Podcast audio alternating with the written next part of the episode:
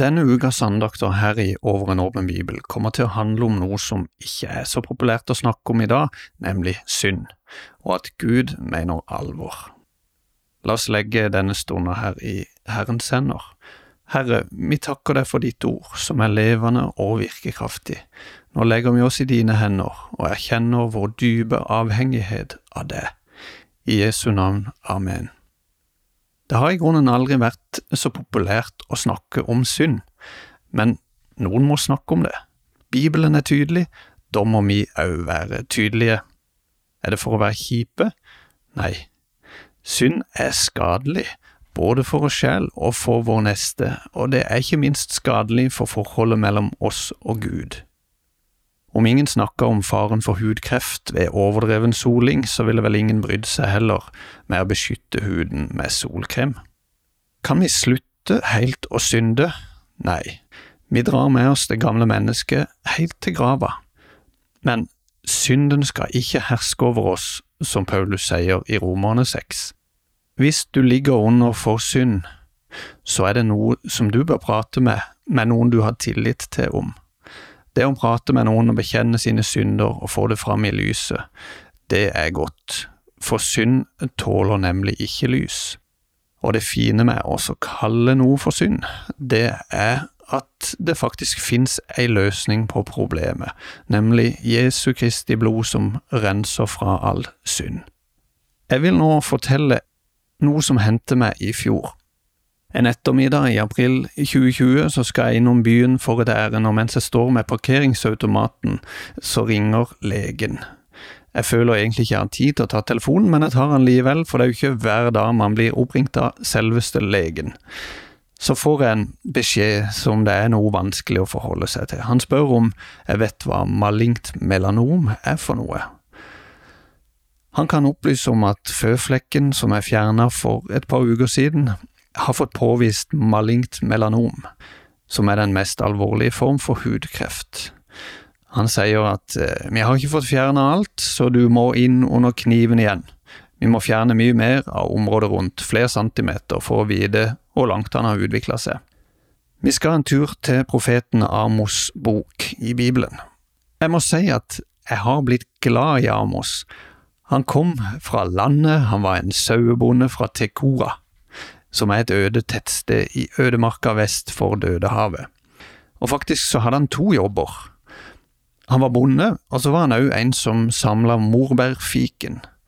Han kom altså ifra Sørriket, og så ble han kalt til profet i Nordriket, der hovedstaden heter Betel.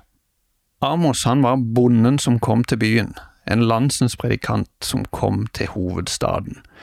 Han passer nok ikke helt inn i det moderne hovedstadsbybildet. Jeg ser for meg min far, som er en fisker fra Flekkerøya, som ble kalt til å forkynne på Karl Johans gate i Oslo. Ikke så enkelt. Og som den kongelige hovedstaden som Betel er, så har de en flott prest. Han heter Amasha, og vi kan vel si at han er kjøpt og betalt av kong Jeroboam. Presten han er rett og slett i lomma på landets politiske ledelse.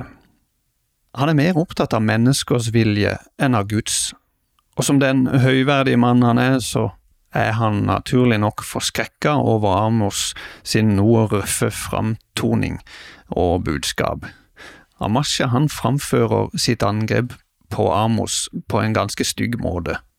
Først går han til kongen med ei reinspikka løgn, og påstår at Amos har fått i stand en sammensvergelse mot kongen.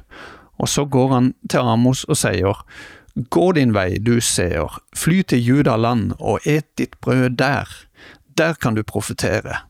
Med andre ord, kom deg vekk, du din liksom-profet, du hører ikke hjemme her, vi tåler deg ikke, forsvinn. Og han på mange måter insinuerer at Amos er ute etter penger når han sier at han må gå hjem og ete sitt brød der han hører til. Historien viser jo at det aldri har vært populært å si sannheten.